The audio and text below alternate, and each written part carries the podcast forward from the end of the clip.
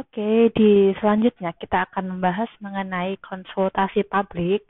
Dan di konsultasi publik sendiri uh, ada beberapa hal yang perlu kita highlight. Yang pertama itu konsultasi publik dan keterlibatan masyarakat.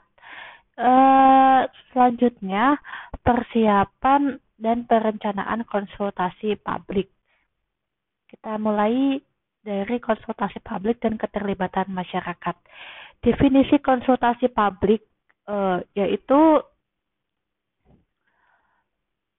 uh, dibedakan menjadi konsultasi publik dan dengar pendapat umum atau public hearing adalah dua istilah yang populer dengan berkembangnya proses-proses partisipatif dalam penentuan kebijakan dan penyusunan peraturan perundang-undangan. Konsultasi publik adalah proses interaksi antar multi stakeholder dalam arena konsultasi guna menggali persoalan, memberi kategori terhadap suatu persoalan, serta menemukan dan mengenali berbagai alternatif yang dapat dijadikan sebagai input dalam formulasi kebijakan. Konsultasi publik menurut Undang-Undang Nomor 2 Tahun 2012 tentang pengadaan tanah bagi pembangunan untuk kepentingan umum adalah proses komunikasi dialogis atau musyawarah antar pihak yang berkepentingan guna mencapai kesepahaman dan kesepakatan dalam perencanaan pengadaan tanah bagi pembangunan untuk kepentingan uh, umum. Sebagaimana pasal 16 huruf J Undang-Undang Nomor 2 Tahun 2012 tentang pengadaan tanah bagi pembangunan untuk kepentingan umum, instansi yang memerlukan tanah bersama pemerintah provinsi melaksanakan konsultasi publik e, rencana pembangunan yang agendanya menjelaskan rencana pembangunan dan cara perhitungan ganti rugi. Konsultasi publik rencana pembangunan dilaksanakan untuk mendapatkan kesepakatan lokasi rencana pembangunan dari pihak yang berhak. Mengapa konsultasi publik para pembuat kebijakan, e, pemerintah dan parlemen ada karena rakyat atau warga. Nah, rakyat atau warga itu pemegang kedaulatan pemberi mandat bagi pemerintah dan parlemen sekaligus sebagai pembayar pajak. Undang-Undang Nomor 12 Tahun 2011 tentang pembentukan peraturan perundang-undangan mewajibkan pemerintah dan legislatif untuk melakukan penyebarluasan kepada masyarakat, mulai dari program legislatif, rancangan peraturan hingga perundangan. Konsultasi publik merupakan perwujudan demokrasi deliberatif atau demokrasi permusyawaratan sebagai alternatif atas demokrasi perwakilan yang telah mengalami defisit. Demokrasi deliberatif adalah konsep e, demokrasi yang mendasarkan diri pada mekanisme musyawarah secara mendalam serta mengutamakan penggunaan cara-cara dialogis. Habermas menggambarkan demokrasi deliberatif sebagai model demokrasi yang melahirkan aturan hukum yang legitimasinya bersumber dari kualitas prosedur deliberasi, bukan saja dalam lembaga-lembaga formal negara seperti parlemen, tapi juga yang terpenting adalah masyarakat secara keseluruhan.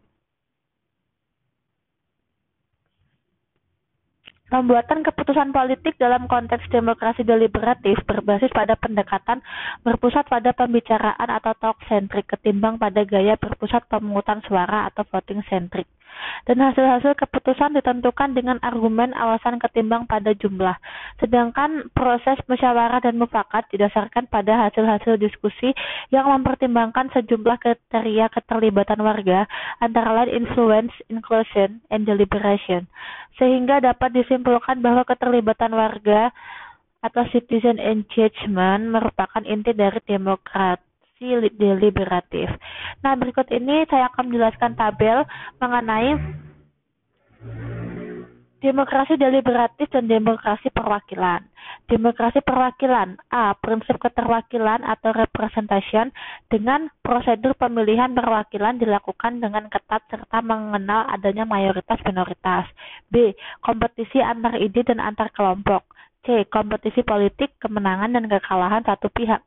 Sedangkan demokrasi deliberatif A. Partisipasi dan keterlibatan langsung warga negara B. Kerjasama antar ide dan antar pihak C. Mengedepankan argumentasi, dialog, saling menghormati, dan upaya mencapai titik temu dan mufakat. Dalam mewujudkan terjadinya demokrasi deliberatif dibutuhkan beberapa syarat antara lain pengaruh. Dalam konteks demokrasi deliberatif pengaruh merupakan syarat penting uh, yang dimaksud adalah kemampuan untuk mempengaruhi kebijakan dan pembuatan keputusan. Kemudian keterbukaan atau inklusi uh, keterbukaan pandangan dan nilai-nilai yang beragam serta kesempatan yang sama untuk berpartisipasi. Kemudian deliberasi merupakan suatu komunikasi terbuka, akses informasi, ruang untuk memahami dan membingkai ulang berbagai isu, saling menghormati dan gerakan menuju konsensus. Nah, demokrasi deliberatif ini e, memungkinkan warga mendiskusikan isu-isu publik dan membentuk opini, memberikan pemimpin demokratis wawasan dan legitimasi yang lebih baik mengenai isu-isu publik ketimbang yang dilakukan oleh pemilihan umum. Serta memungkinkan warga memberikan justifikasi pandangan e, mereka sehingga mengambilan keputusan bisa mengidentifikasi pilihan yang baik dan buruk. Keterlibatan warga dalam penyusunan kebijakan yang uh, pertama itu pertukaran informasi, yang kedua konsultasi, yang ketiga pelibatan, yang tertinggi adalah kolaborasi. Uh, pada level 1 pertukaran informasi, warga menyampaikan informasi dan memperoleh informasi. Penjelasannya, pertukaran informasi untuk mengkondisikan partisipasi warga. Tujuannya, penyadaran warga mengumpulkan opini publik, membangun momentum bagi penyusunan kebijakan. Strategi komunikasinya, komunikasi tertulis, komunikasi elektronik, komunikasi lisan, dan komunikasi visual. Metode atau alat, opinion poll atau survei, komentar publik, dengar pendapat umum, poster, dan media kampanye. Kemudian ada level 2 yaitu konsultasi e, warga membeli memberi masukan dalam menganalisis, menyusun alternatif dan mengambil keputusan. Penjelasannya, penggunaan alat-alat untuk memproses informasi, adanya forum atau lembaga yang memproses input. Tujuannya, pendidikan warga, mendorong debat publik, menjabarkan nilai-nilai publik, memperluas penyediaan informasi, memperbaiki keputusan. Kemudian strategi komunikasi, pertemuan tatap muka dengan warga dan pertemuan online dengan warga. Metode atau alatnya, pertemuan warga, public meeting, konsultasi online atau e-consultation. Uh, kemudian ada level 3 yaitu pelibatan masyarakat atau engagement. Pemerintah bekerja dengan warga di dalam keseluruhan proses penyusunan kebijakan agar aspirasi warga selalu dipertimbangkan. Penjelasannya, penggunaan alat-alat untuk memproses informasi, kadang pengambilan keputusan bersama. Tujuannya melibatkan warga dalam penyelesaian masalah. Melibatkan warga dalam pengambilan keputusan, mengembangkan kapasitas dalam melaksanakan kebijakan, kemudian memperbaiki hasil pelaksanaan. Selanjutnya, strategi komunikasi, pertemuan tatap muka dengan warga, pertemuan online dengan warga, pendelegasian kewenangan. Selanjutnya ada metode atau alat itu musyawarah warga atau public deliberation, musyawarah online atau online deliberation. Level 4 kolaborasi. Pemerintah dan warga menjadi mitra atau partner dalam proses penyusunan kebijakan. Penjelasan, proses penguatan kapasitas untuk membangun kerjasama berkelanjutan di antara berbagai kelompok kepentingan dan pelaksanaan kebijakan.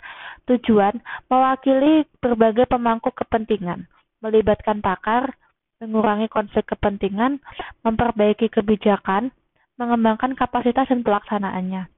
Strategi komunikasi, membangun komite nasihat, merancang proses pengambilan keputusan bersama atau share decision making metode atau alat perundingan multi pihak, proses konsensus kebijakan. Konsultasi publik sebagai proses demokrasi deliberatif.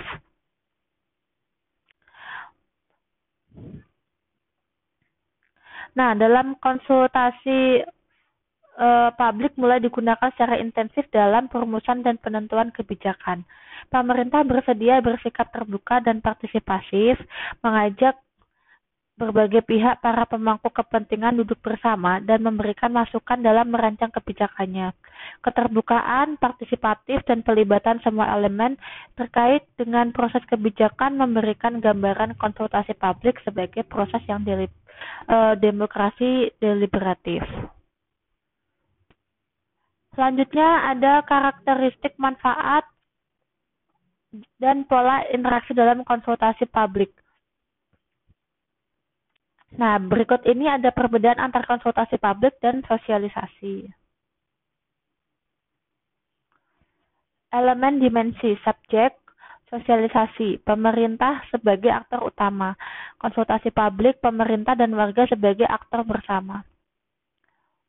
Sumber informasi sosialisasi dari kaum ahli, sedangkan konsultasi publik, kaum ahli dan warga negara. Kualitas informasi sosialisasi, informasi dan pilihan kebijakan dimiliki oleh pemerintah dan ahli. Konsultasi publik, eh, kualitas informasinya, informasi dan pilihan kebijakan dibagi dan disebar ke warga negara. Sedangkan relasi dari sosialisasi, pemerintah itu dominan. Untuk relasi konsultasi publik, pemerintah setara dengan pihak lainnya proses sosialisasi satu arah dari pemerintah ke warga negara. Sedangkan proses e, konsultasi publik dua arah dan interaktif atau dialogis. Ukuran capaian sosialisasi, jumlah pertemuan dan peserta. Sedangkan konsultasi publik, penggalian masalah, forum belajar bersama, kesepakatan. Dengan kata lain, konsultasi publik memiliki ciri khas sebagai berikut. Satu, berkaitan dengan isu publik atau suatu urusan yang akan berdampak dan berakibat pada warga negara secara luas, misalnya kebijakan kesehatan, pendidikan, atau penganggaran. Kedua, berkaitan dengan relasi antara pemerintah dengan warga, pemerintah yang akan melaksanakan suatu kebijakan atau aturan warga negara yang akan terkena atau diatur oleh kebijakan atau aturan itu. Eh, pertanyaan-pertanyaan tersebut mempresentasikan elemen-elemen konsultasi publik yang terdiri dari pelaku atau subjek, yaitu pemerintah warga negara. Bahan konsultasi, informasi, ide, rancangan, kebijakan, data-data, dan lainnya. Proses-proses terbuka yaitu deliberatif, partisipatif, komunikasi dialogis. Sifat relasi antar pelaku yaitu setara dan kooperatif. Hasil-hasil umpan baliknya, koreksi, perbaikan, perubahan-perubahan, dan kesepakatan bersama. Nah, kemudian ada diagram yang menjelaskan partisipasi warga dalam pembuatan kebijakan. Yang pertama, warga pasif melihat kebijakan. Kemudian semakin ke kanan, warga aktif mempengaruhi kebijakan. Semakin ke kanan lagi, warga kuat berdaulat menentukan kebijakan. Jadi uh, kasta tertinggi dari konsultasi publik adalah warga itu bisa berdaulat menentukan kebijakannya.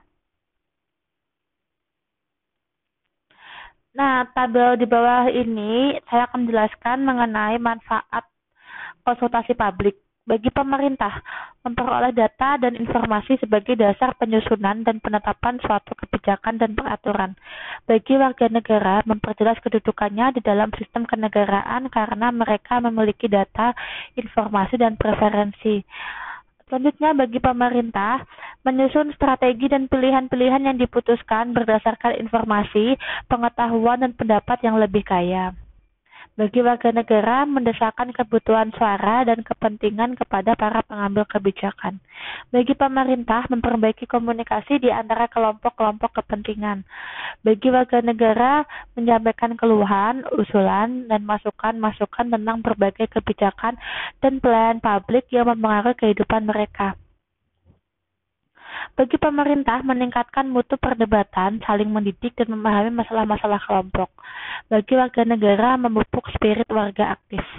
Bagi pemerintah, menangani dan memecahkan masalah, membuktikan bahwa pemerintah telah berubah dan lebih transparan, tanggap, dan akuntabel, dan terakhir meningkatkan dukungan publik terhadap kebijakan yang sedang direncanakan.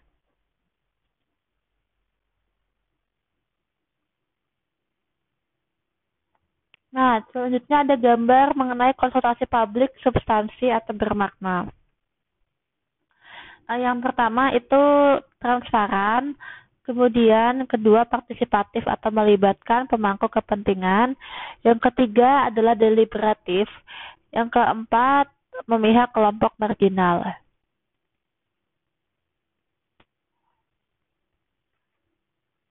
Kriteria dalam konsultasi publik e, dimensi terbuka. Pertanyaan kunci sejauh mana tersedia informasi publik tentang proses-proses sebelum dan sesudah konsultasi publik. Bagaimana hasil konsultasi publik akan digunakan. Partisipasi.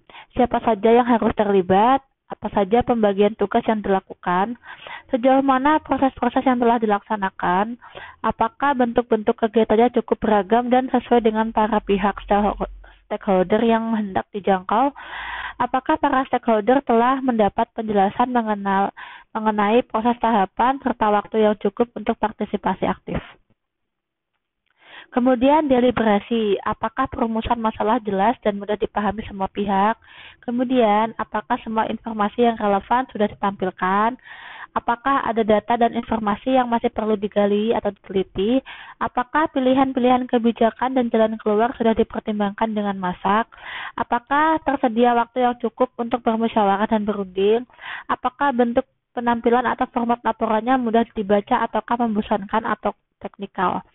Selanjutnya berpihak pada kaum marginal. Sejauh mana suara dan keadaan dan aspirasi kelompok rentan menjadi masukan dan input. Yang kedua, bagaimana kelompok perempuan dan anak-anak terlibat aktif.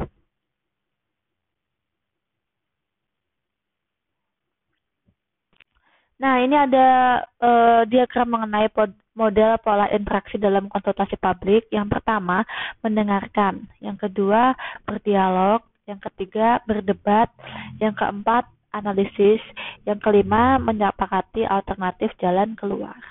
Uh, terima kasih atas perhatiannya. Sampai bertemu di subbab selanjutnya mengenai persiapan dan perencanaan konsultasi publik. Terima kasih.